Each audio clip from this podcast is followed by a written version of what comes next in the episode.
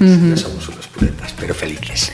Pois, eh, Javier Olleros, alegrome moitísimo. Gracias. Foi un placer, de verdad, cando que irades. Amor de los padres, eso nunca. A no playlist. Javier, de verdad un placer. Un placer, gracias. Tenía muchas ganas. Non hai cancións de berce para dormir Non hai misto Juventud divino tesoro, que dice el refranero, así que esta playlist eh, va a seguir con esa mm, treintañeros, millennials, es- esas cosas ahora que nos da por a- ahora o siempre por clasificar.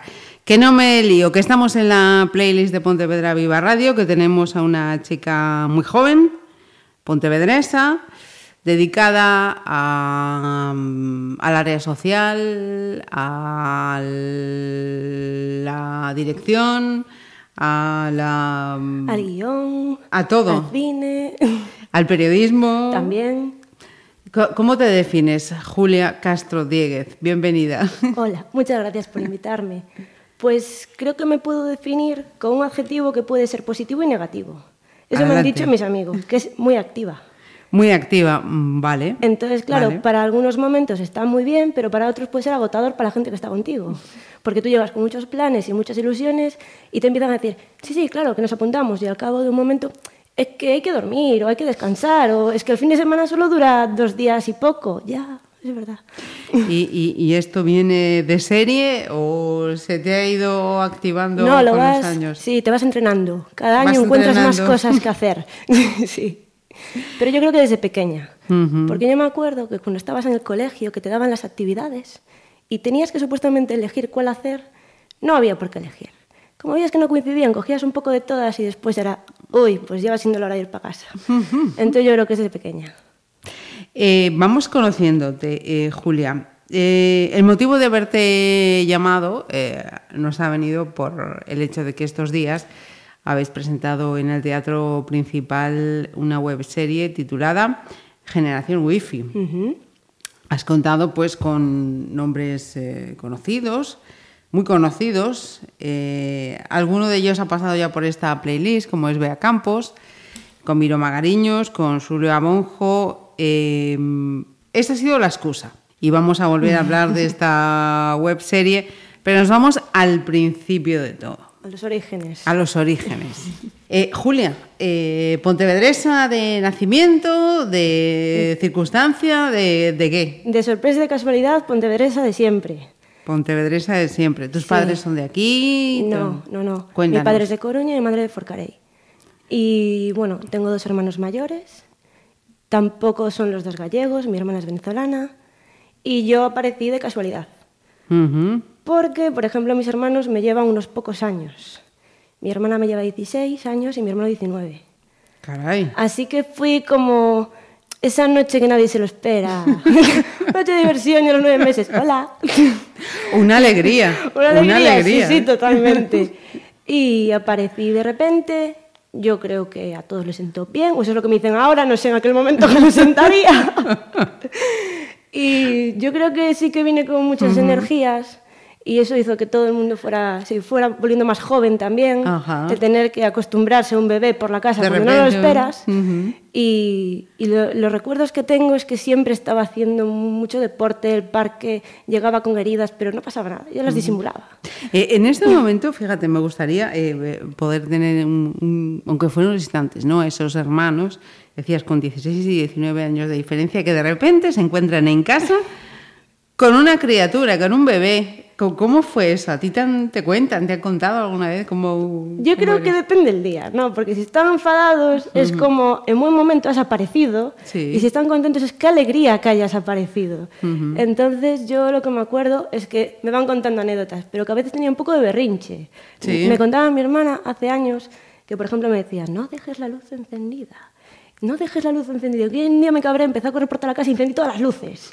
Y era como, vale, ya está. Pero bueno, yo, yo creo que bien.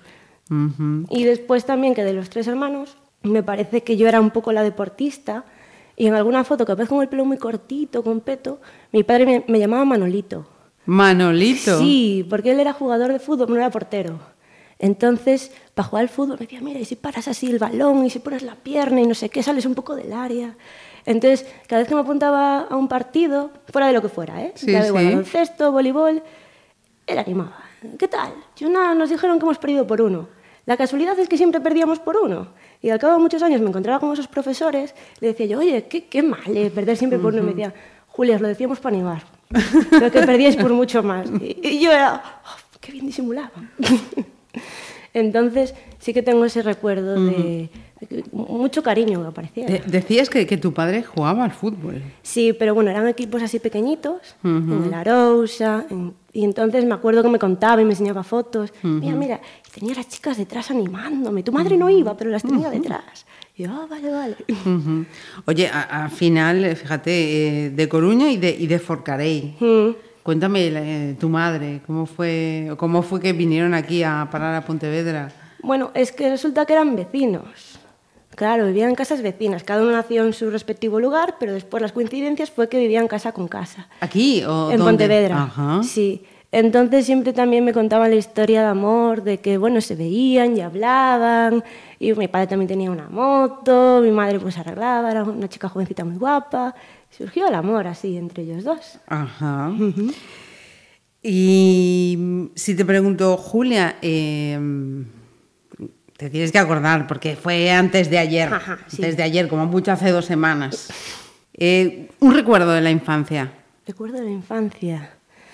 Uf, uno solo, complicado. o dos, venga. Pero relacionado con el colegio o con... Que te vengan ahora a la cabeza. mm, aquella Julia Me pequeñita, pequeñita. En el colegio, que era un pelín reivindicativa. ¿Ah, sí? Sí. Estaba pensando yo anécdotas y al colegio que yo iba eran las calasancias y tenías que llevar un uniforme. Entonces el pichi era una falda, no podía ser Sí. un pantalón. Y sí que me acuerdo que los chicos, pues a veces levantaban la falda o se reían y yo ya estaba ahí un poco mosqueada. Y, la- y se quejaban las niñas, ¿no? Nos quejábamos. Y un día teníamos una tutoría, pero te digo, no sé, 8 o 9 años. Y el profesor decía, bueno, ¿de qué vamos a hablar de la tutoría? Y yo estaba ahí poniéndome la lengua, tengo que decirlo, tengo que decirlo. Y entonces, claro, las palabras no me acuerdo exactamente, pero fue como, no me parece bien que se nos dé este trato con la falda. Claro, efectivamente. Entonces, el profesor yo creo que me había dicho como, bueno, pues si no está muy conforme, si quieres vete a la directora. ¿Sabes? Era como, bueno, ¿y qué? Es- no sé, ¿qué quieres que te diga? Julia, está mal. Y al acabar la clase me fui a la directora. Fui a la directora y le dije, no, es que no estoy de acuerdo porque tenemos que llevar un uniforme, lo entiendo, pero el trato que y tal. Y yo empecé allí de aquella y decía, uy, Julia, que a veces es un poco reivindicativa tú aquí de más. No sé. Me, me parece muy bien esa reivindicación, pero Sí, que sí. muy bien, sí, Ya señor. Porque de aquella igual no te hablaban tanto de lo que podía ser el machismo tal, pero yo veía que algunas cosas no me coincidían. chirriaban, ¿no? No me chirriaban, Chirriaban, mucho. chirriaban, yo no me chirriaban. meto contigo por la ropa, pues tú a mí no me toques la falda. Pero sí, bueno. señor. Mm. Sí, señor. Eh, esa chica reivindicativa que iba a las eh, calasancias eh, nos ha hecho una lista muy... mm, Un poco rockera. Un poco, un poco de todo le veo yo aquí. Y fíjate, me llama la atención que com- comienzas esa playlist con un grupo que mm, a priori no encaja en tu generación, como son los suaves. Cuéntame Ya. a mí eso. Porque tuve una etapa que recuerdo, de las primeras, que era como así música nacional, rockera, y a mí era como una música muy llena de energía, que la escuchabas y te daban ganas de saltar de la silla y empezar a moverte, ¿sabes? Y no, no quedarte quieta y venga, vamos, la cabeza y vamos a conocerlos más. Entonces los sabes, que son aquí de Ourense, también me acuerdo cuando siempre se decía, es el último concierto, hay que ir. No, no, ahora sí que de verdad es el último concierto. Y ya con esa excusa acababa yendo a todos los que había. Entonces empiezo por Dolores y llamaba Lola.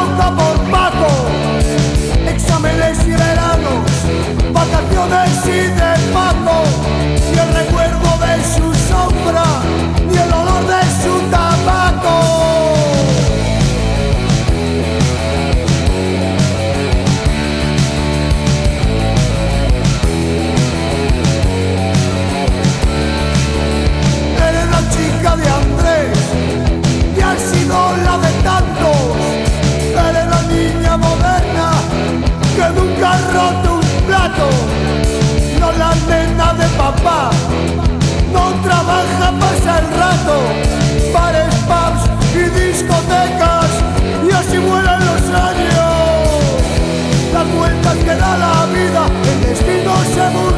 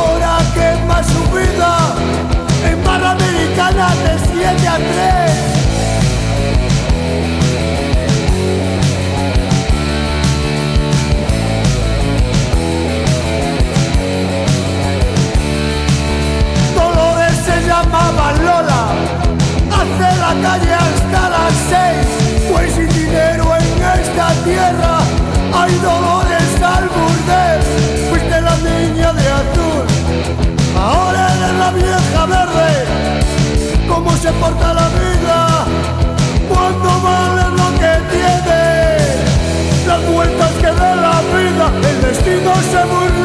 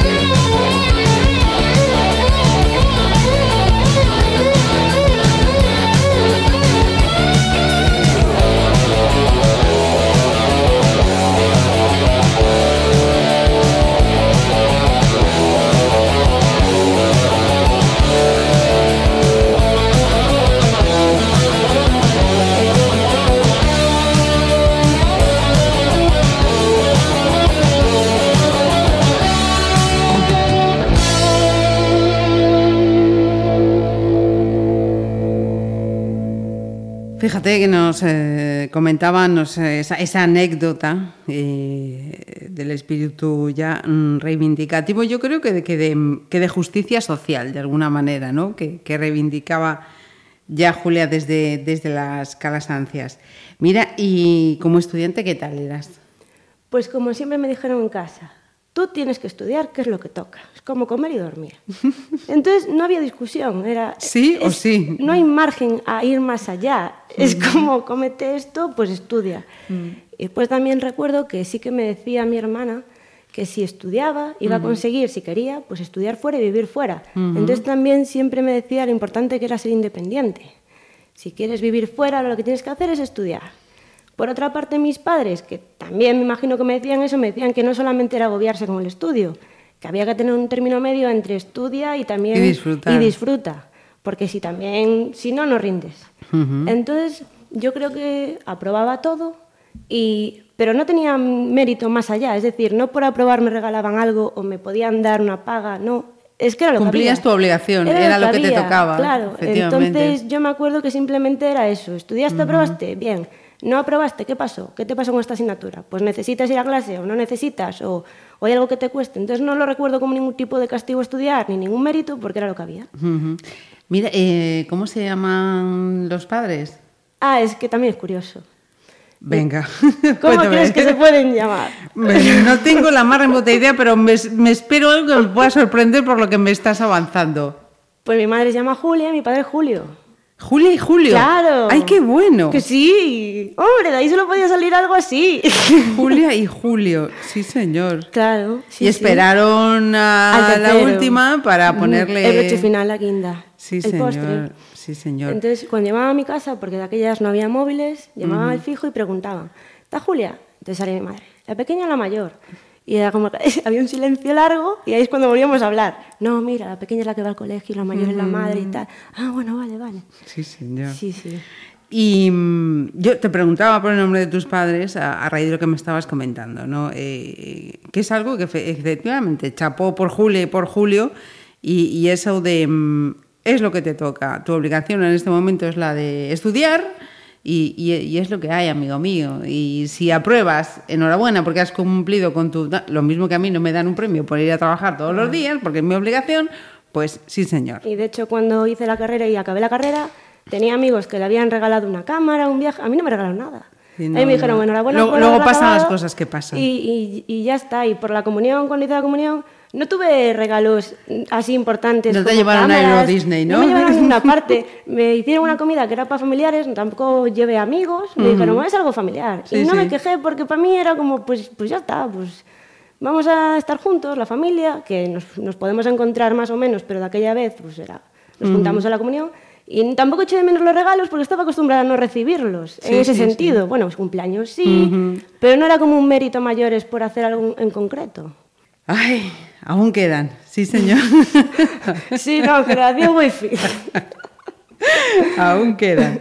Eh, mira, y mm, luego creo que me decías que estudiaste luego en el Sánchez Cantón, ¿no? Mm, sí. ¿Cómo fue ese, ese paso eh, colegio-instituto? En el colegio empecé con tres años y estuve hasta cuarto de la ESO. Ajá. Y además de aquella época no cambiaban los, los compañeros de clase, siempre tenías los mismos, únicamente que hubiera algún repetidor. Entonces como que éramos todos ya muy conocidos. Y cuando llegué al instituto fue como que se abrió, fue como el campus universitario pero en Pontevedra. Fue como cuántas clases hay, cuánta gente nueva. Y yo me lo pasé muy bien porque hablabas con todo el mundo, todo el mundo era muy amable, muy tal. No había uniforme, no había nada. Era como salías del recreo donde te daba la gana. Yo me empaché a comer bocadillos allí en las panaderías que había, napolitanas, y qué maravilla. Entonces, muy bien, solo fueron dos años, pero sí que lo recuerdo con... Con cariño. Sí, sí, sí.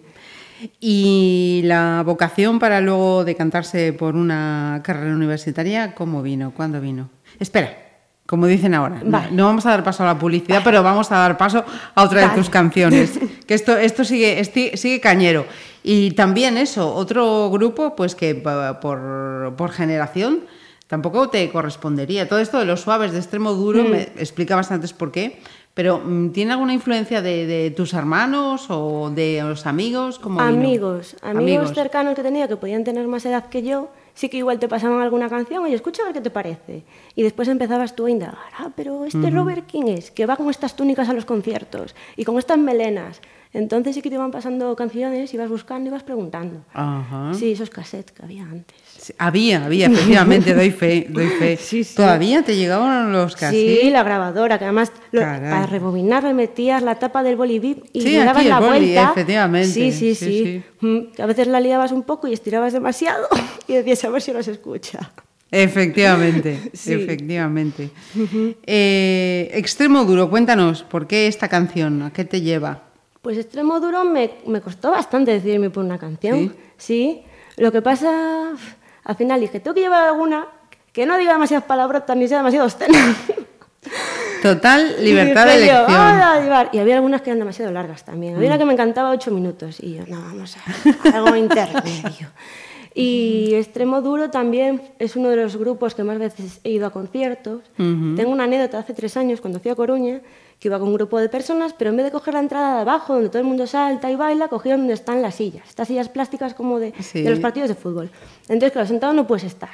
Entonces, bueno, al principio estás en la primera canción ahí con el culo inquieto, que me quiero levantar, y te levantas, bailas, cantas, no hay ningún tipo de dolor. Y el día siguiente nos pasó a los que habíamos ido que en las pantorrillas de bailar y de darnos con la silla teníamos moratones. Ay, ay, ay, ay, Sí, además era verano. Entonces, cuando querías ir a la playa, a veces te ponías ahí a andar y era como, uy, es que hay... Ahí está. Ahí está, Ahí el está. recuerdo Secuela- de este secuelas de los conciertos. secuelas de los conciertos. Entonces, eh, la canción que nos has elegido es. Ahí te dejo que elijas.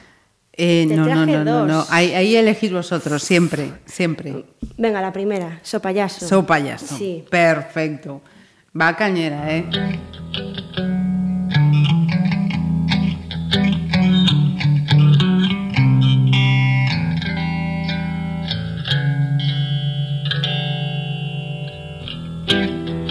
Puede que me deje llevar, puede que levante la voz, puede que me arranque sin más. A ver qué me dice después. Quiero ser tu perro fiel, tu esclavo sin rechistar, que luego me desato y verás.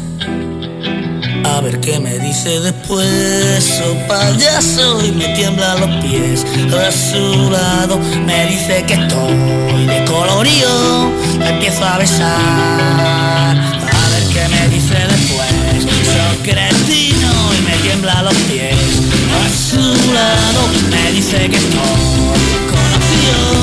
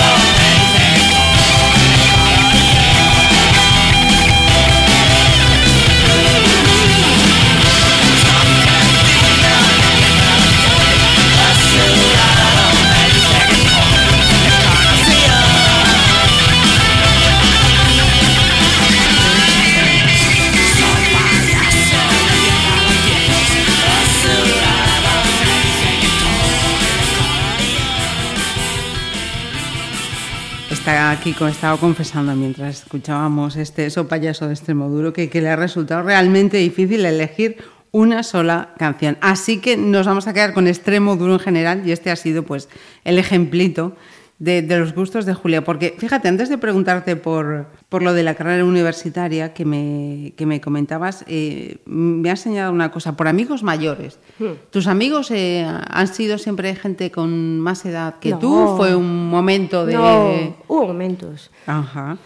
Y volviendo a esa cuestión que dejábamos eh, pendiente, ¿cuándo y cómo llega esa vocación para decir mm, esto es lo que me voy a estudiar yo? Periodismo, ¿no?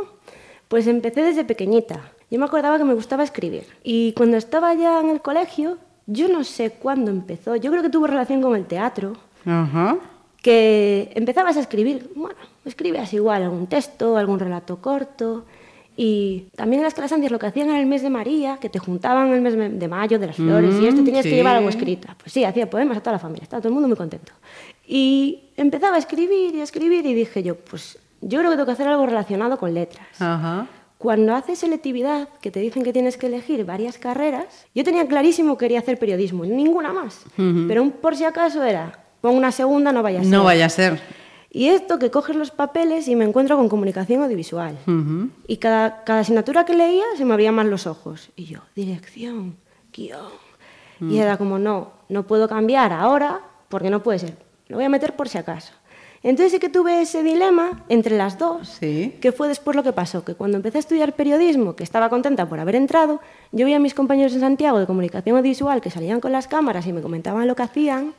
Claro, porque hoy en dirección vimos a tal actor, director. ¿Y qué cochines le pidió? Y yo me quería coger todas las optativas de cine y estaba ahí metida. Y, sí- y sí que lo pensaba muchas veces. Decía, ¿y si me cambiara ahora para audiovisual? Decía, no, si siempre me gustó el periodismo voy a acabarlo. Lo acabé, para que después no me quedara la espina clavada de dejar las cosas a medias.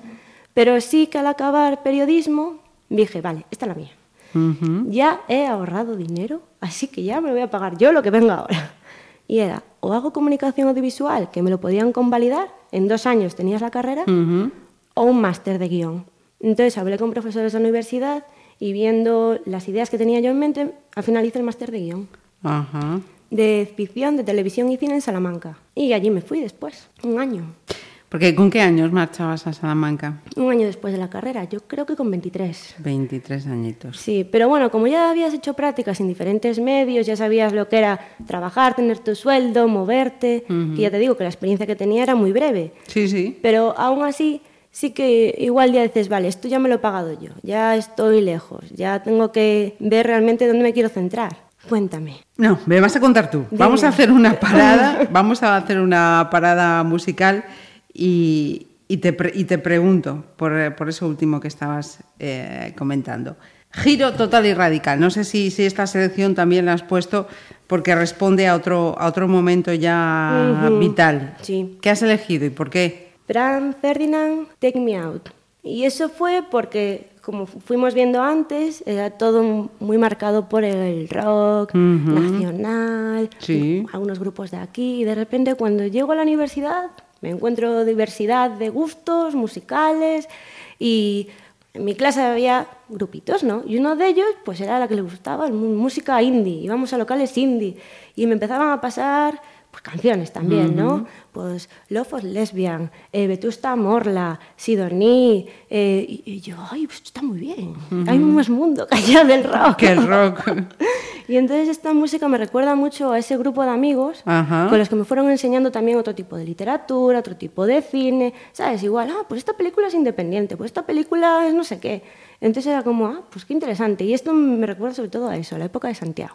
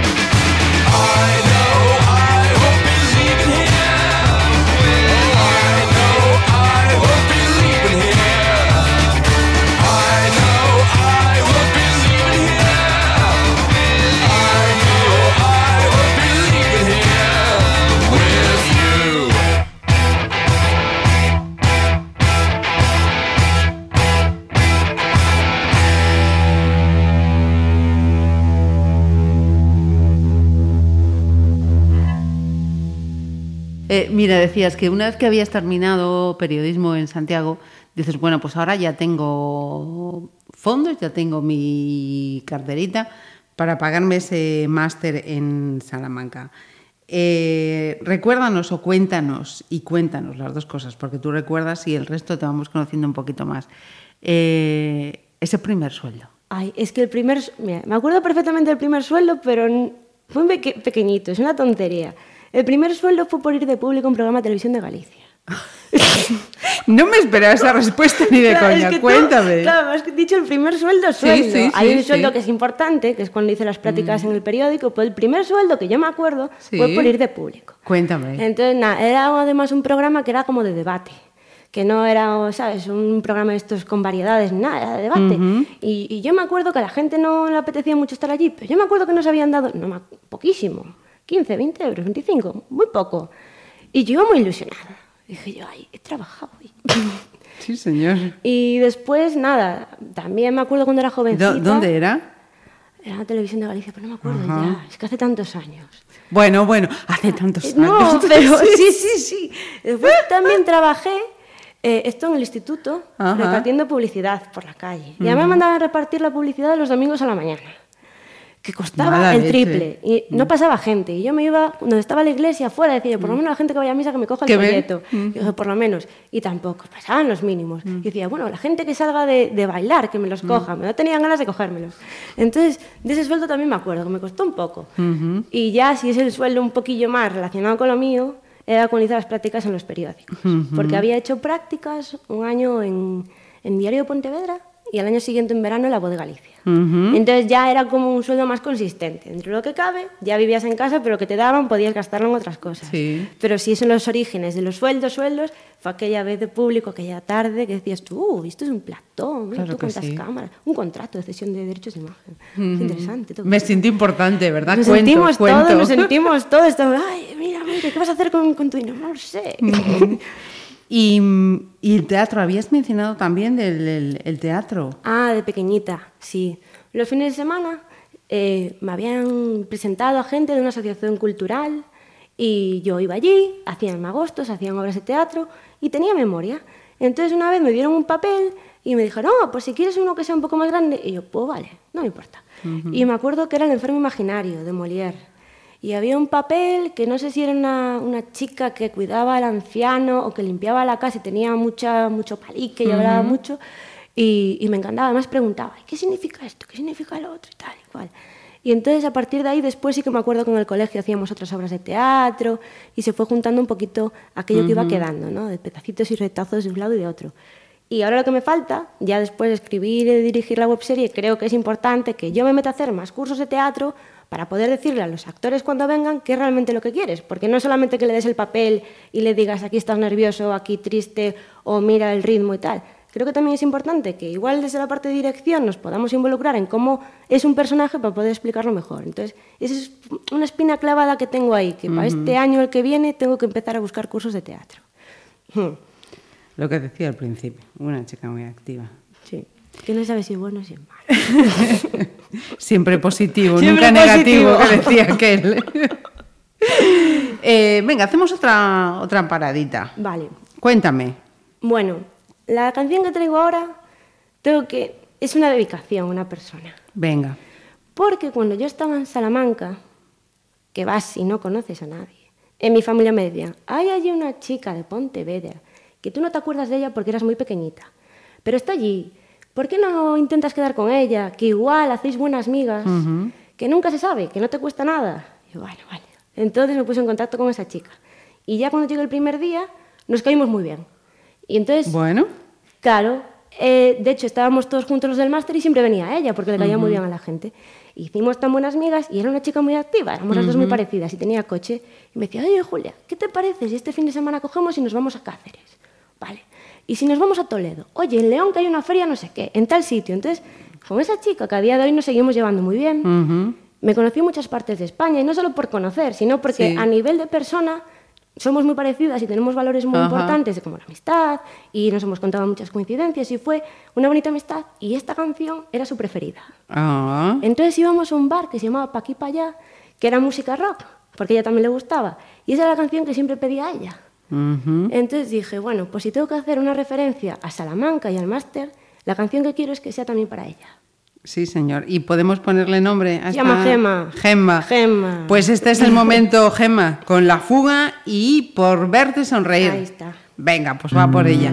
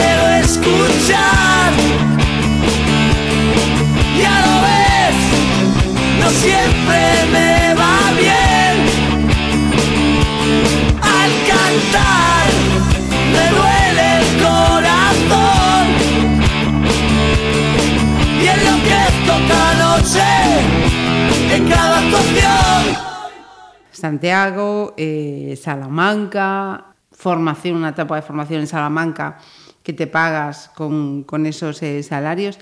Y cuando termina esa, esa primera fase, vamos a decir, ¿no? porque nos comentabas ahora del teatro, tengo que seguir formándome y tal. eh, ¿Qué es lo que se plantea Julia? Decir, bueno, pues yo ahora quiero volver a Pontevedra o vuelvo a Pontevedra porque no tengo otras opciones. ¿Cómo, cómo es ese momento de decisión vital? Cuando se acaba el máster de, de ficción, el grupo se desintegra, porque yo tenía allí un grupo de personas pues que algunos grababan, otros montaban, pero de repente nos separamos. Hay gente que vuelve a sus casas, hay gente que va a Madrid y yo vuelvo a Galicia. Y empiezo a trabajar de trabajos que no tienen que ver con el audiovisual. Pues en una aseguradora, haciendo... Y, yo sigo pensando, es que cuando algo te tira, te tira. Igual no llega ahora, pero en algún momento tiene que llegar. Y entonces yo sé, "Va, voy a seguir ahorrando, voy a seguir pensando qué quiero. Y quería seguir formándome, pero claro, no quería seguir gastando mucho dinero. Es decir, volver otra vez a la universidad, pues igual no era el camino que yo estaba buscando. Un máster, pues tampoco. Dije, yo quiero buscar algo que, que me ayude a seguir buscando contactos en Galicia. Y entonces me fui a Lugo. Y allí Toma, momento Lugo. Momento Lugo. Y allí estaba un ciclo de realización, ciclo superior de realización. Entonces allí me puse a estudiar dos años para aprender bien cómo utilizar una cámara, edición de vídeo. Y lo curioso de Lugo, claro, que la gente con la que estudiaba quería formarse en cámara, pero a mí no me importaba hacer lo otro. No me importaba pues escribir las noticias o aparecer delante de la cámara. Entonces era, yo vengo a aprender, pero no me importa en qué lado esté. Puedo aprender después de ti. Entonces yo me ponía delante y ellos me grababan. Entonces ahí sí que hice algunos pequeños papelitos como actriz. Y también fue muy interesante porque muchas veces te da vergüenza llevar a cabo proyectos, pero después cuando los haces te sientes muy orgullosa. Y ahí tengo una anécdota de que habíamos hecho un cortometraje que era como una terapia de, de gente con síndromes raros. Ujú. Y yo tenía que hacer de una chica con síndrome de Tourette. Claro, el síndrome de Tourette es que tienes cambios de humor muy fuertes. A veces estás tranquila, sonríes, y a veces estás insultando y pegando a la gente. Y yo de por sí, yo creo que soy una persona así, como, bueno, tranquila, no sé qué. Me tuve que hacer una labor de investigación de estas. Para meterse en el papel. Claro, entonces yo decía, bueno, pero este, le decía al director, ¿este personaje cómo es? Y me decía, pues es que es muy choni, es muy, muy tal. Y yo me acuerdo de aquella que estaba la Belén Esteban muy de moda, y yo la miraba cómo se movía y, y no paraba. Y yo, uff, y había otro programa que era Chonis de Barrio. Y yo, ¿a quién se le cuente? Que estoy viendo esto para hacer un personaje. Entonces, cuando hicimos la- el cortometraje, Ajá. claro, el director solo me decía, acción, y yo improvisaba. Entonces ahí aparezco ah, haciendo lo que en mi mente había cogido las ideas aquellas. Ah, qué bien, tu personaje, qué bien quedó. Vale, vale. Y yo pensando, menos mal que esto es para clase. Y de repente dicen, bueno, este cortometraje lo vamos a presentar a la Diputación de Lugo, porque son los trabajos de final de- del ciclo. Y yo, "Mm, vale. Y me dicen, pero lo que vamos a hacer es una representación que nadie se lo espere en directo allí. Os sentáis en diferentes lugares, en diferentes butacas, y de repente os levantáis con vuestro personaje. Entonces, claro, yo que iba arreglada, me tuve que levantar en un momento dado y me daban cambios de humor. Ay, ay, ay. Y dije, bueno, si aquí no me sacan por la ventana, por la puerta al empezar bien. Y nada, hice mi personaje y cuando acabé me hacía gracia porque la gente me miraba y sonría, como, ay, mira, es la, Mira la mírala, loca esta mira". que andaba. Sí, sí, sí, es una chica muy maja. Y yo, es que me han mandado a hacer esto. Sí, señor. Y, y luego, bueno, fue eso, los primeros cortometrajes que ya empiezas a hacer con equipo, equipo técnico y equipo artístico, lo que empiezas a ver realmente el trabajo que lleva, porque cuando vemos un cortometraje, o en este caso una webserie, te puedes quedar simplemente con me gusta o no me gusta. Pero si te paras un poco a pensar todo el trabajo que hay detrás, porque no solamente es hacer la idea, es que todo funcione, que la historia vaya coincidiendo y cuando estás en una escuela tienes como más facilidades en el sentido de que el material lo tienes, los actores si hablas con ellos pueden venir, la comida si hace falta, pues el- También, ¿saben? sí. Pero la webserie se, partió- se partió todo de cero. Entonces fue como que todo eso también, aunque no se vea, está detrás, que ese trabajo es muy importante. A veces también decir qué hay por la parte que no se ve. Mm, Venían amigos a ver algún rodaje y decían, es que es mucho más interesante lo que pasa por detrás que lo de delante. Que lo que se ve. Mm. Y yo, sí, voy a venir más veces. Eh, momento indie de esta playlist. Lonnie Meyers. Mi realidad. Esto también está relacionado con una persona. Venga. Cuando te comentaba que estaba en Lugo, que eran dos años, el segundo año había un trabajo como de grupo. Y era de grupo con las dos clases. Y la chica que tenía que hacer ese trabajo me caía muy bien y siempre me había ayudado. Y dije yo, quiero que salga muy bien. Y cogí esa canción y en vez de hacerse muy pesada, porque cuando a veces tienes que hacer un trabajo audiovisual donde pones una canción y la escuchas muchas veces y la acabas cogiendo manía, en este momento me pasó lo contrario, que ponía esta canción que al principio no me decía mucho, pero al cabo de repetirla le fui cogiendo muchísimo cariño. Entonces, cuando a veces me la ponen así en los bares a los que voy, me quedo como, ¿sabes? Como los viejecitos que se quedan mirando para arriba y, ay, qué, qué- qué bonita es, qué recuerdos. Entonces, esa canción también es por aquella época y aquellos trabajos que hacíamos.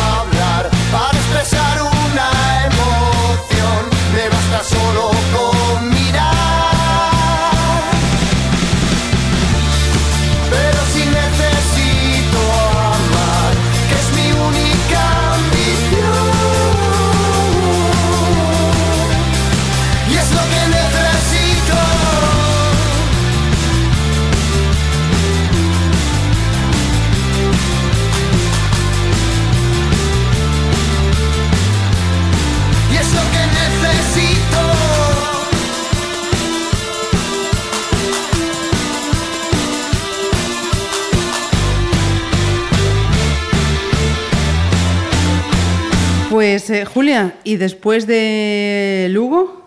Después de Lugo me vuelvo para casa. Toca volver a casa. Toco para volver para casa. Y eh, empiezo con las televisiones. Ajá. En Lugo te dejaban hacer prácticas en la televisión que quisieras, entonces me fui a Santiago. a la televisión de V Televisión. Ajá. Y allí hice las primeras prácticas, eran sobre todo control de realización. Y después allí, cuando acabé, fui a una entrevista y me cogieron en otra televisión, que era en Santiago. Ajá. Pero ahí en Santiago sí que era hacer de todo. Era, coges la cámara, montas, realizas. Entonces yo estaba muy eléctrica. Yo era, ay, qué bien, qué bien. Y fue una etapa muy bonita, lo que pasa es que se acabó. Cuando se acabó volví para, para casa. Y de aquella empecé a mirar que había unas becas en la Diputación, entonces ahí me metí en un periódico digital. Que era como, bueno, volvemos al periodismo. Pero mientras tanto, durante este periodo siempre fui haciendo pequeños cortos, cortometrajes. Y vas conociendo gente y yo iba pensando, algún día, si hago un proyecto, que más tarde surgió, quiero coger a todas esas personas que sí son profesionales, aunque no tengan trabajo, aunque no cobren, que son profesionales, que les gusta su trabajo y decirles si quieren participar. Por lo menos para juntarnos todos y que haya un proyecto que nos guste. Entonces, eso sí que lo fui haciendo. Hubo gente que sí pudo venir porque estaba más cerca y otros que me quedan todavía ahí. Que volveré a insistir, volveré a llamarles y les volveré a decir, si queréis, aquí hay sitio para todos. Entonces, bueno, eso fue un poco. Volví, después el periódico digital y llegó una época que era muy estancamiento, que eran oposiciones. Dije bueno, igual va siendo hora de pensar en, en algo estable, pero las oposiciones no, no, no fueron al final. No fueron. No fueron. No, no, porque había que estar muy concentrado y cuando es concentrado es concentrado. No es hoy no tengo ganas, mañana me pongo. Sí, no, son horas, horas, horas, horas, horas. Claro, y además tienes que estar, aunque sea difícil, motivado. Ajá. Tienes que saber que estás estudiando, que realmente lo vas a conseguir y no vale que te lo diga el resto, no vale que el resto te anime, porque si tú no estás animado, no. Puedes estar con una misma hoja una hora y decir, es que esto no es lo mío. De ahí no pasó. De ahí no paso. Y finalmente fue lo de Aspace. Eh, antes de, de volver a, a eh, es- ese eh, saltar, vam- vamos a decirlo así, ¿no? profesionalmente, de la realidad, periodismo, a la ficción, que es la, la- la cámara. Veo que lo del periodismo es casi como algo mal menor, ¿no? Colateral. El periodismo yo creo que es quien me sustenta. Es decir, es donde realmente siempre he conseguido trabajo. Ajá. Pero si hablamos de qué es lo que siempre ha sobrevivido a pesar de las crisis que has tenido, por decirlo de algún modo, de idas y venidas, Sí. siempre ha sido el cine. Siempre ha sido como ese punto que te ha sacado como del momento de, venga, ahora vamos a ser creativos, ahora vamos a ver...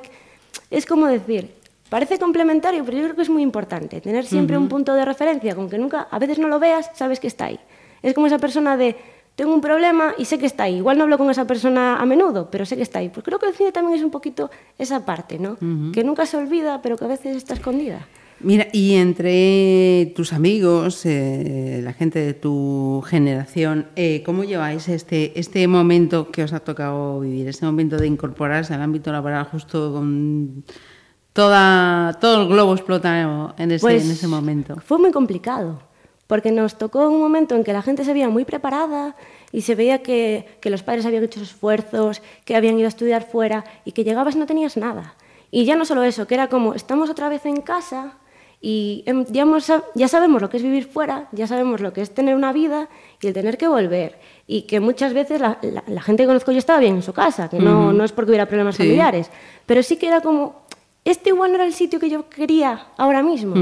Y entonces todo se une. Entonces sí que me acuerdo de que, bueno, ahora por suerte tengo muchos amigos que han encontrado trabajo y pareja y están felices, algunos casados, pero sí que hubo una época que había muchísimo pesimismo y daba muchísima rabia porque decía yo, "Joder, somos personas enérgicas y tal, y no había manera. Eh, bueno, pues ahora explícame, The Black Ace, ahí sí que me pillas eh, out total. Claro, Lonely Boy. Es una canción muy animada. Me parece que también, como te comentaba anteriormente, hay canciones que las escuchas y es como, se para el tiempo y dices, solo estoy con la canción. no, no me importa lo que tengo el delante, el ordenador, el folio, los problemas, el móvil. No, no, no, la escucho y hay un vídeo muy bueno que aparece un hombre bailando y, y- y no es, yo creo que no es profesional, igual lo es, ¿eh? Pero empieza a menear la pierna para un lado, para el otro, la cadera, tal, y, y sin darte cuenta yo creo que estás mo- moviéndote en la silla.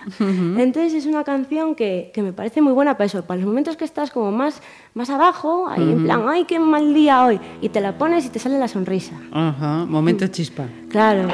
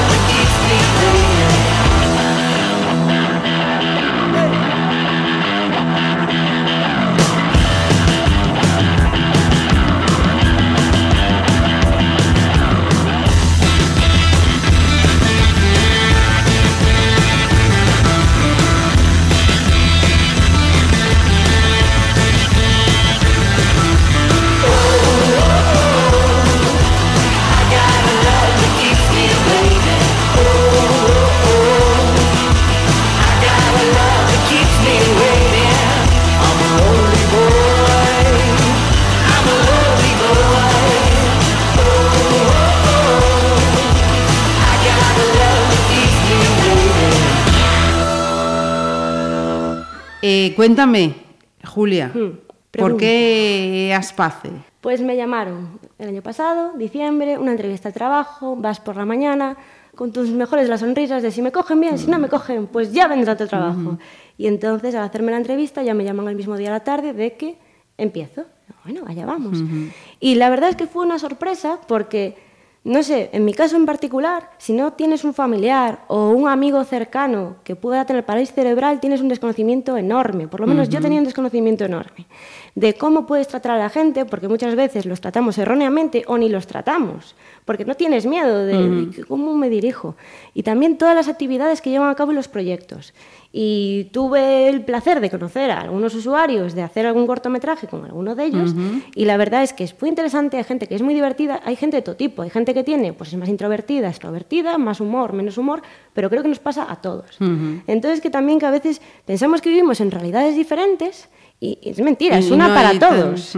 Claro, y eso pasa con la webserie también, ¿no? Que tratamos con, trabajamos con personas sordas y, y muchas veces me decían, oye, ¿tú no crees que esto es complicar todo? No, lo complicado es no complicar las cosas.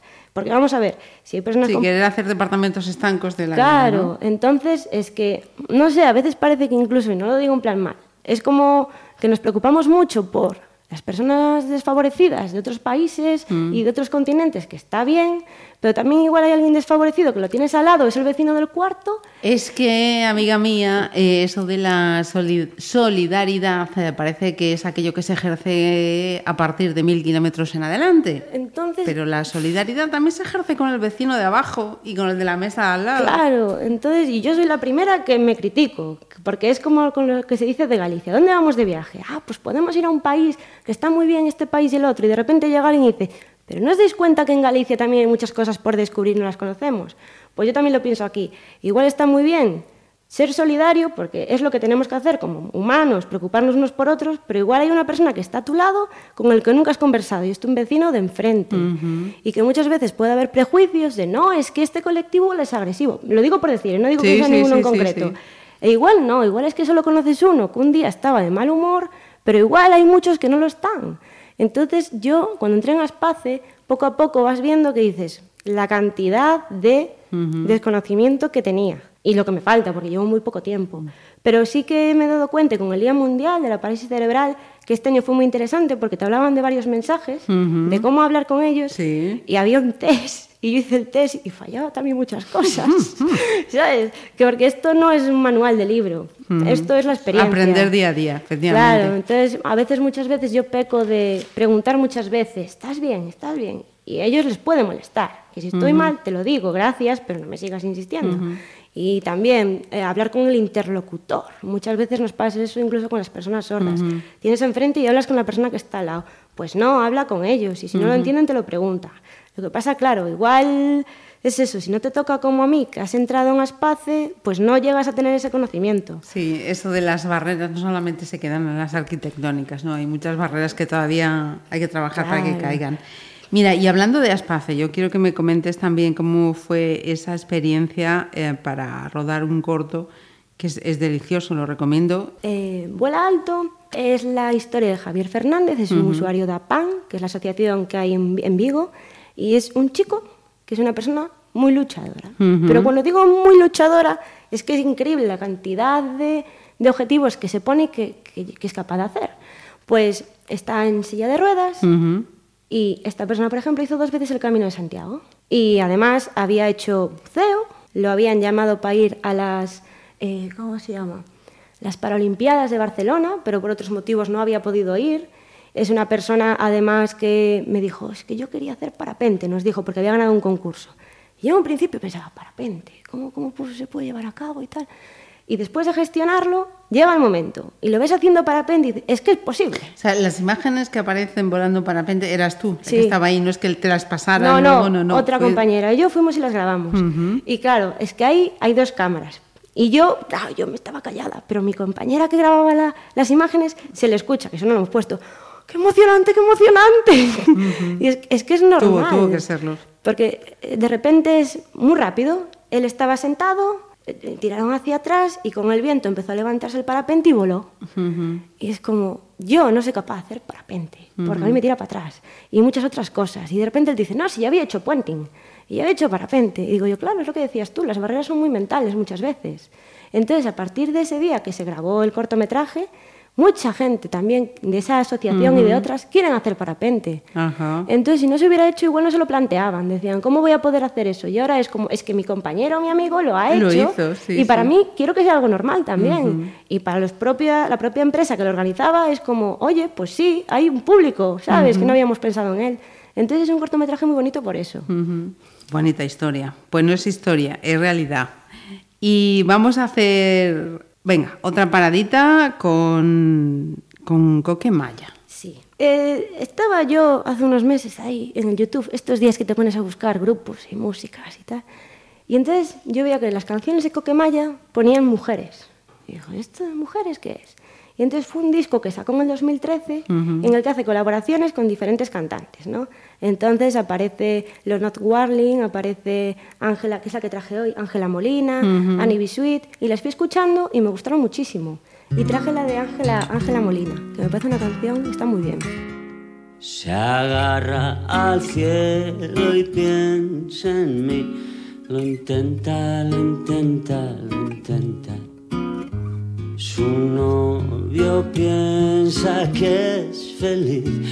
Lo intenta, lo intenta, lo intenta. No tiene un sitio a donde ir. Lo inventa, lo inventa, lo inventa. No sabe que yo estoy aquí. Le tienta, le tienta, le tienta.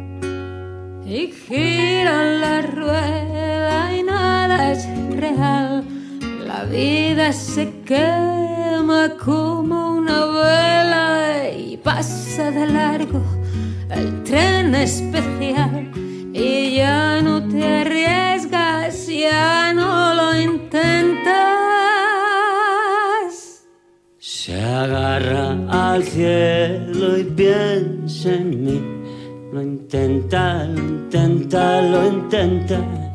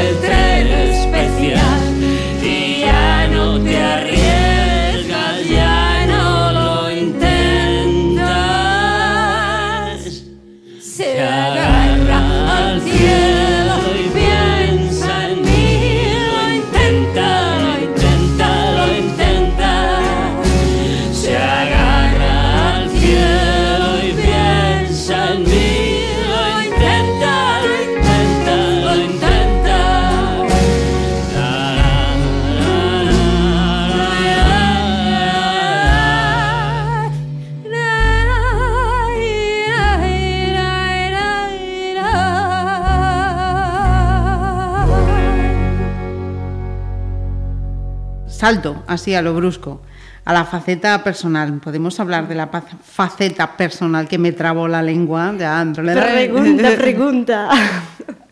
A, a modo test, venga. Eh, soltera, eh, con pareja, sin pareja, despreocupada. Soltera, independiente y muy contenta. Porque la gente a veces me pregunta, ah, vamos a ver, Julia, ¿tú por qué? ¿Por qué no novio? Yo, no, no es novio, es cuando aparezca la persona. Entonces, ¿para qué vamos a forzar nada? Cuando aparezca, pues ya aparecerá. Yo por ahora estoy bien como estoy. Y ya digo, el momento llega cuando llega. ¿Cuántos años tienes? Puedo preguntar. ¿Cuántos crees? Bueno, te lo digo. Eh, hemos hecho una trampa porque me lo confesó antes, entonces no voy a ir de lista. 30. 30. Eh, 30 años, dice, soltera, independiente y muy contenta. Eh, chapó, amiga mía, eh, vas a tener que bregar mucho en este terreno, ¿eh? a medida que cada vez pase el tiempo. Eh, si quieres mantener estas tres máximas, soltera, independiente y muy contenta, te digo que vas a tener que bregar duro. Sigue ahí, no cejes y si es convencimiento, adelante.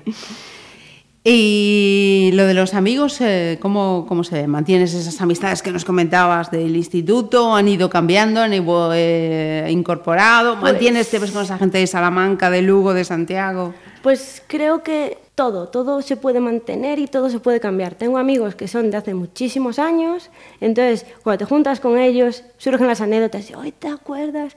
Pero también hay amigos que fueron apareciendo y otros sin querer también van como desapareciendo, desapareces tú. Porque también tú te das cuenta de que hay vidas que ya, aunque no quieras, ya no llevan el mismo ritmo. Hay algunos que ya son más caseros, que ya tienen hijos, que están casados, hay amigas pues, que han dejado de trabajar por la familia o amigos, y hay otros que sin embargo lo que buscan es pues, viajar, nuevas experiencias. Entonces, aunque no quieras en algunas ocasiones, sí que ya has perdido el contacto, pero sabes que están ahí, que si te los encuentras vuelve a resurgir otra vez aquellas viejas historias, y sin embargo, al estar en Pontevedra ahora mismo mantienes el contacto con los que están más cerca. Que conste que con la webserie sí que ha sido una alegría ver que gente que pensabas que había desaparecido vuelve a aparecer y te vuelven a preguntar, oye, pero qué bien que haya sacado Prietos adelante, jolín, queremos ver los episodios, mucho ánimo. Entonces, claro, yo creo que todo va cambiando, pero a veces te vas encontrando por el camino.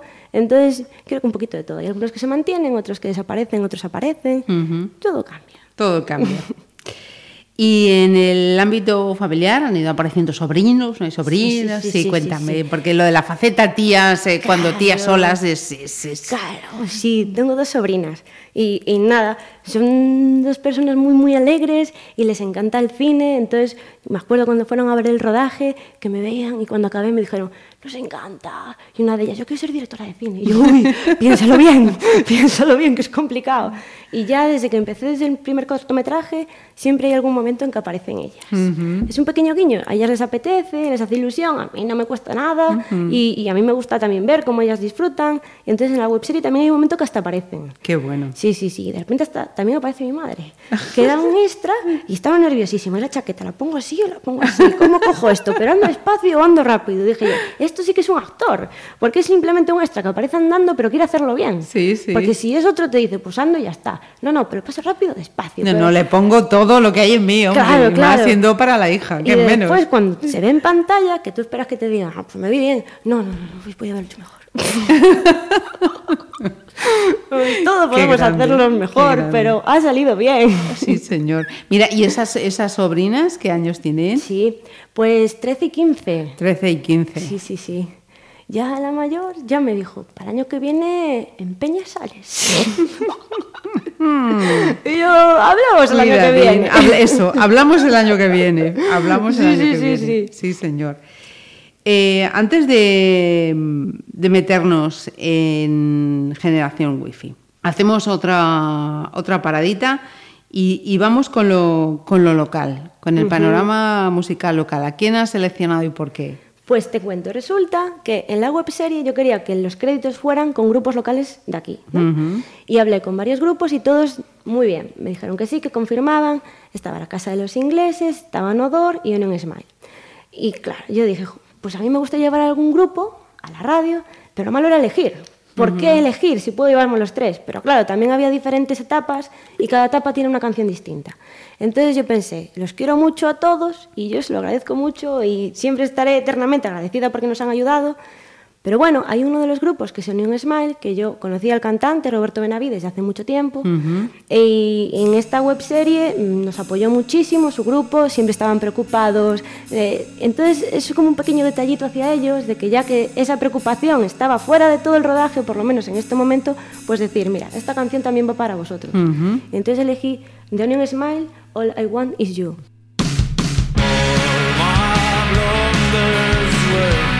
tricks of fate I can be done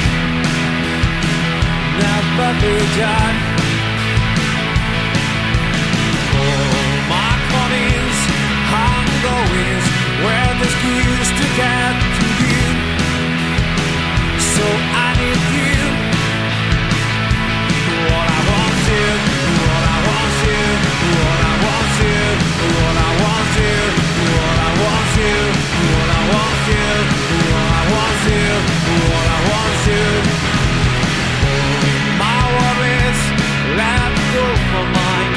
time when I need you. Is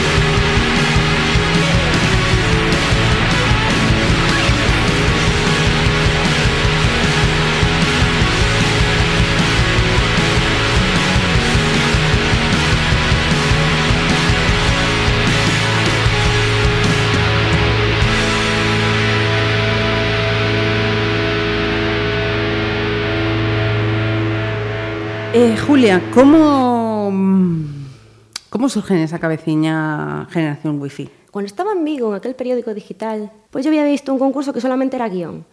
Y dije, vale, esta es la mía, voy a escribir algo. Hice una trama y ese corto ganó ese concurso.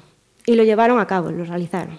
Entonces me dejaron ir al rodaje y cuando estaba en el rodaje yo veía que esos personajes y que esa historia es que podía dar mucho más de sí, Ujú. porque era una crítica a las nuevas tecnologías.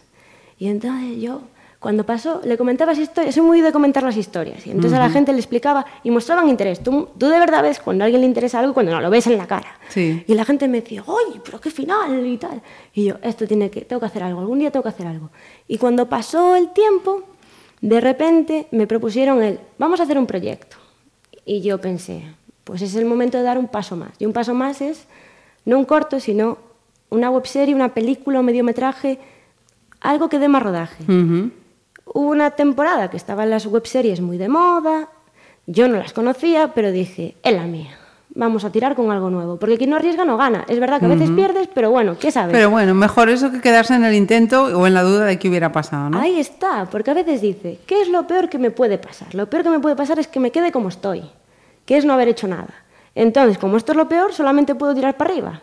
Entonces, nada, se empezó a hacer el guion. Y yo tenía pensado que hubiera 10 tramas, porque generación wifi es hablar de la nueva generación, en el que igual ya no crees en una religión como la cristiana o cualquier otra, sino que nuestra religión es, me voy a centrar en un móvil y lo que me dice el móvil. Y dije, voy a hacer los 10 nuevos mandamientos actuales, no religiosos, y escribí las 10 tramas. Cada episodio era un mandamiento que estaba relacionado con una aplicación de móvil o de internet. Y un día me paré, después de darle muchas vueltas a los guiones, y dije, vamos a ver, cuando tú tienes un móvil, o cuando alguien tiene un móvil y está tan centrado en su conversación, no hace caso a la gente que hay a su alrededor. Y esos son sentidos que dejamos de utilizar. Sin embargo, una persona que no tenga esos sentidos es la que te puede hacer darte cuenta de eso. Entonces dije, voy, voy a jugar con el opuesto. Entonces, si una persona está enganchada al móvil, su opuesto es una persona que igual no puede hablar o no puede escuchar. Y era un, pers- un personaje, una persona sorda. Hacer la crítica, pero importante, meter a personas con discapacidad que nos enseña. Es un producto muy pequeñito, pero que esté bien hecho por lo menos. Que el resultado puede gustar o no, porque igual lo ves y dices, bueno, no me hizo ni gracia ni, ni- ni- no me lo creo. Bien, correcto, lo acepto, pero por lo menos que se haga bien, que la gente lo vea y que diga, aquí hay un trabajo de gente que se lo tomó en serio, aunque no hubiera dinero de por medio, o aunque sean sa- salidos de la universidad, porque mucha gente es nueva, y yo, aunque llevo unos poquitos años, pero tampoco demasiado, por lo menos entre todos hemos intentado y hemos optado por eso. Vamos a hacer cine, pues bien, aunque sea pequeñito, pero bien. Entonces son eso, eso es lo que tenemos. Vamos a seguir hablando de generación wifi, pero vamos a hacer la penúltima ya. Eh, parada musical en esta playlist de Julia. Izal, pánico práctico. Eh, ¿Izal también es por el mismo motivo de Onion o hay otra...? No, esto es porque a veces cuando empiezas a pensar en, bueno, algún viaje, alguna anécdota con amigos en el que realmente estuvieras bien. Entonces, hace unos años hice un viaje que era un viaje muy mo- mochilero, en el que muchos nos juntamos en una furgoneta y duermes poco, comes mal, pero intentas ver de todo. Cada uno llevaba sus canciones. Y una chica del grupo llevó este, esta canción.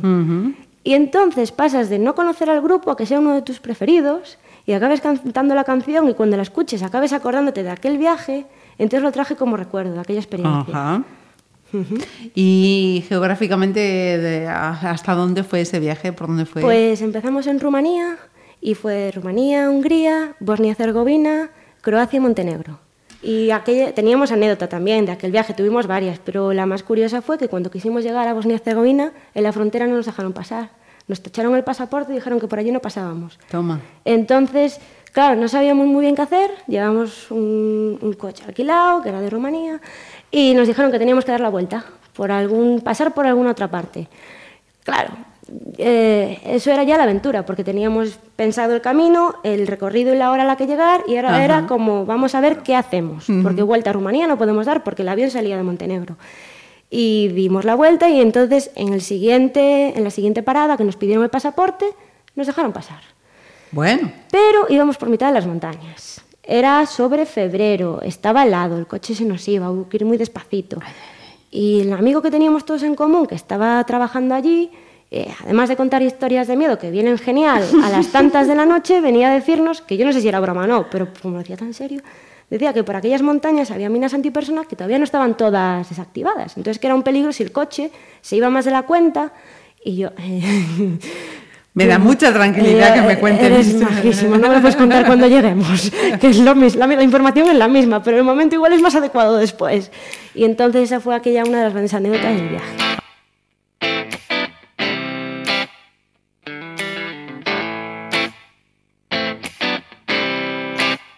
Tantos años del lobo, escondido en el fondo de un agujero que excavaron tantos cuerpos salados.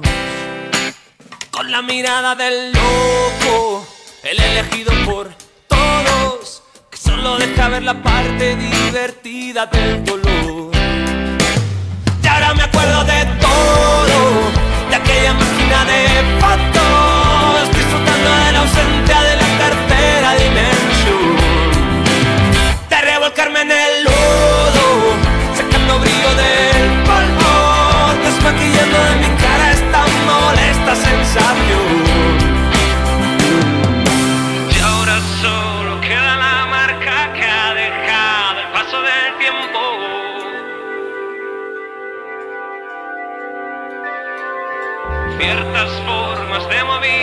un recuerdo, un acto reflejo. Adiós al pánico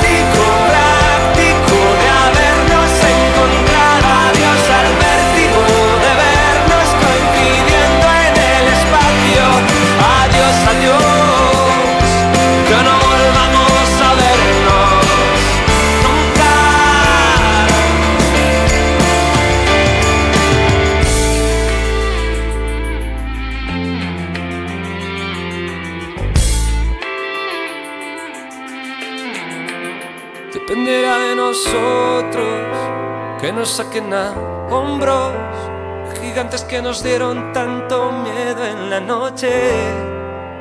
Destrozaremos sus rostros, no guardaremos los trozos de un puzzle que pensábamos que tenía solución. Voy olvidándolo todo, aquella máquina de fotos, disfrutando de la ausencia de la tercera dimensión.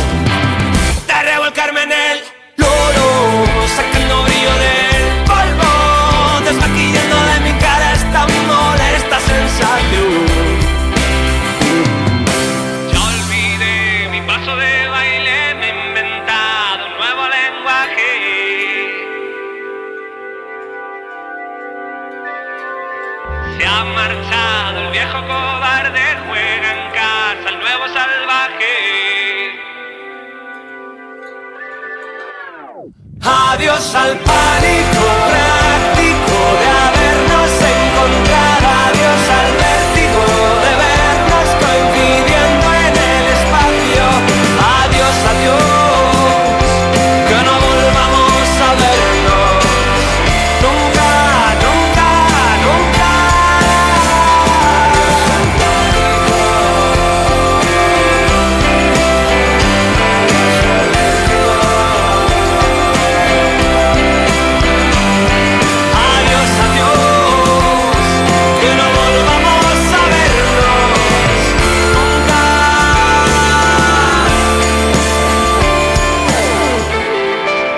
Seguimos hablando de generación eh, wifi. Eh, lo de contactar con Bea, con Miro, con Abonjo, ¿cómo, cómo fue?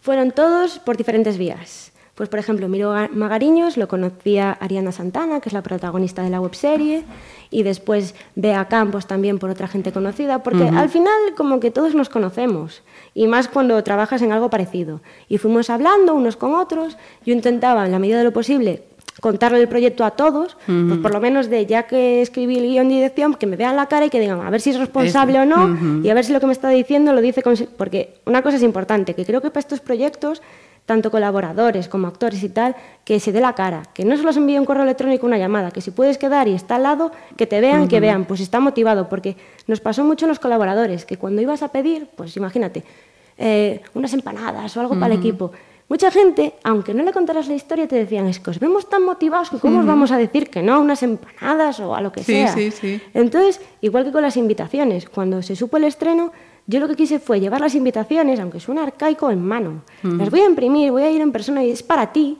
para que puedas venir. Pero por lo menos esos pequeños detalles de voy a llevarte la invitación. Ese tú a tú, ¿no? Que ese todavía tú a contacto tú. personal, sí. Y la, la anécdota del- de los personajes o actores más famosos, por ejemplo, fue con Julia Bonjo, que eran Navidades, yo estaba con mis sobrinas viendo la carroza de los Reyes Magos Mm. y no sé cómo torcí la cara y lo veo. Y dije yo, yo esto hace un año no lo haría.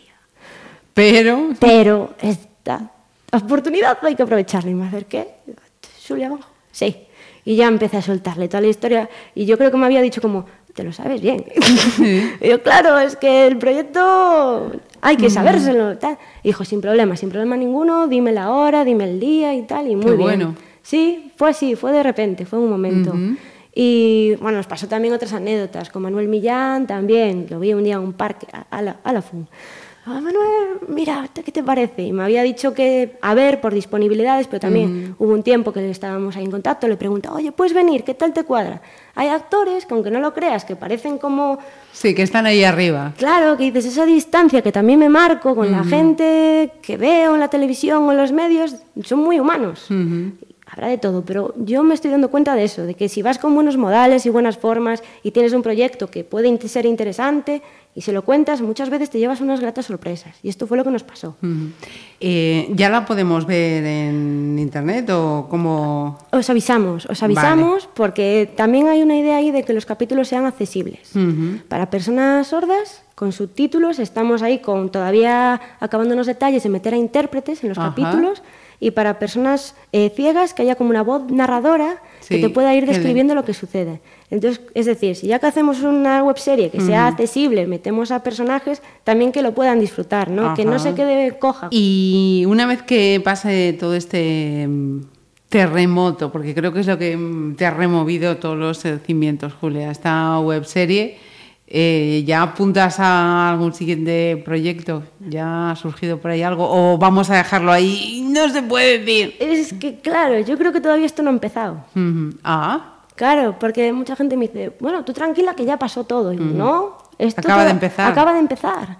Porque, claro, lo importante no es solamente hacerlo, lo importante es ver si funciona y a la gente le gusta. Porque igual la historia nace muerta o igual la historia está naciendo. Entonces todavía creo que es el comienzo.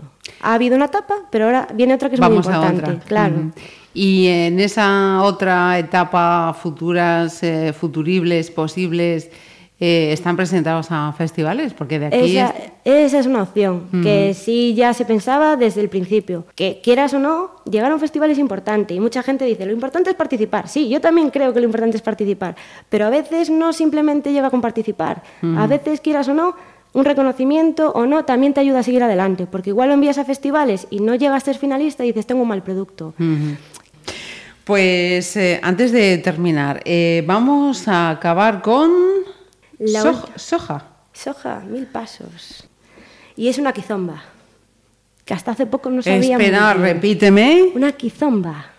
Sí, porque tienes, por ejemplo, bailes latinos, que puede ser por la bachata, la salsa, el souk, la quizomba. Es una quizomba, es un baile africano, que viene de Angola. Toma castaña. Claro, entonces es un baile agarrado, que puede ser lento o más apretadito, y eso sí como, está muy bien, te lo recomiendo. Pues fíjate, no habíamos terminado así nunca una playlist con una recomendación de algo tan exótico como, como esto. Eh, y, y lo tenemos aquí en Pontevedra, en Si nos gusta, si alguien lo escucha y dice yo quiero, lo tiene aquí Claro, en. Vale, claro, claro. genial. Porque hay una cosa muy interesante de cuando vas a baile. Tú imagínate, es que yo no soy de salir a discotecas con la música comercial, hay mucha gente y tal. Tú te apuntas a clases de baile, conoces gente y los fines de semana te dicen, oye, nos juntamos todos en tal discoteca. Y vas a la discoteca y estamos todos juntos y puedes bailar con quien quieras, te sacan a bailar, sacas a bailar tú. Tampoco hay que esperar a que te saquen. Y dices, oye, pues me apetece bailar. Y bailas los diferentes géneros, vas conociendo gente y es otra forma diferente de bailar y de pasar las noches y de disfrutar.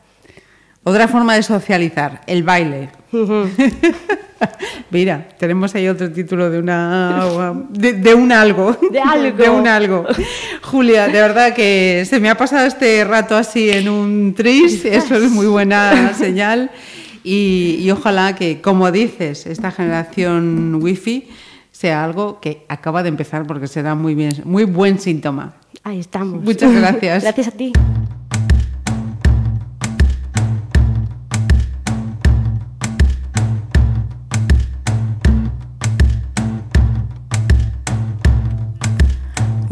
Paso me voy para siempre, un paso fuerte, un paso hacia adelante.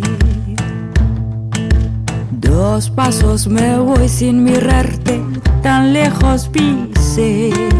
Dos pasos y ya te olvidé.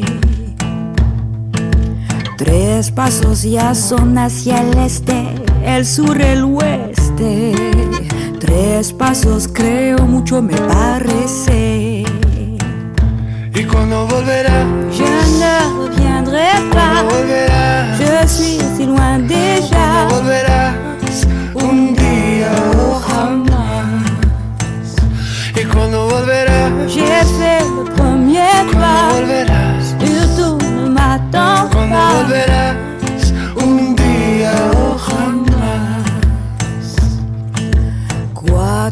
Pasos quiero acordarme, cuatro pasos ya sé. Tú me quisiste, yo te quise. Cinco pasos ya sin perderme, tanto me alejé. Cinco pasos y te perdoné. Seis pasos ya son casi siete, contar más no sé. Mil pasos y más me quedo de pie. ¿Y cuando volverás? Je ne reviendrai pas. volverás? Je suis si loin déjà.